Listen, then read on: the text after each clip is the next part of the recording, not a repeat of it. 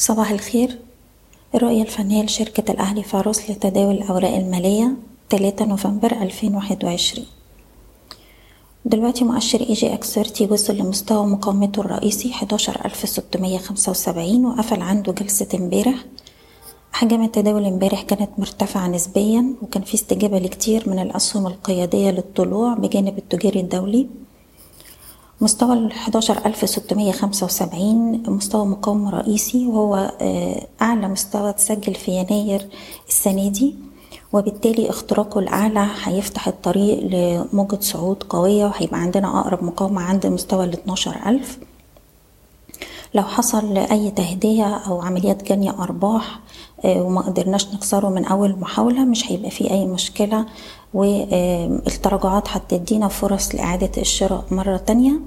وأقرب دعوم عندنا دلوقتي عند ال 11300 ويليه مستوى ال 11060 نقطة. بالنسبة لسهم ال CIB السهم دلوقتي عنده مقاومات ما بين تلاتة وخمسين ونص أربعة وخمسين ونص ودي مناطق مقاومة مهمة جدا وقوية وأقرب دعم دلوقتي عندنا عند الواحد وخمسين جنيه وده ممكن نحطه ال trailing stop بتاعنا. هنتكلم على النقط المهمة لبعض الأسهم. دلوقتي المصرية للاتصالات طول ما هي فوق ال 13 13 جنيه 30 قرش السهم هيروح يجرب على 14 وربع 14 ونص ودي لو قدر يخترقها هنروح لمستوى ال 15 جنيه.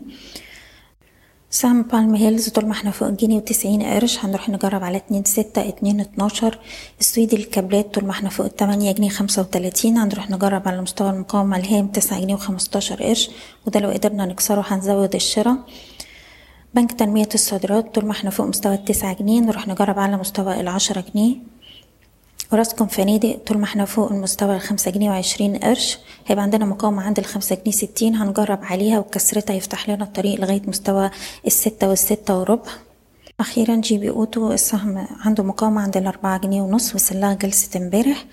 لو قدر يكسرها النهاردة هيبقى عنده تارجت عند الخمسة جنيه. وهنرفع حماية الأرباح بتاعنا لغاية مستوى الأربعة جنيه خمسة وتلاتين قرش.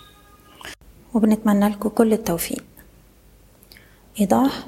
الشركة غير مسؤولة عن أي قرارات استثمارية يتم اتخاذها بناء على هذا التسجيل. شكراً.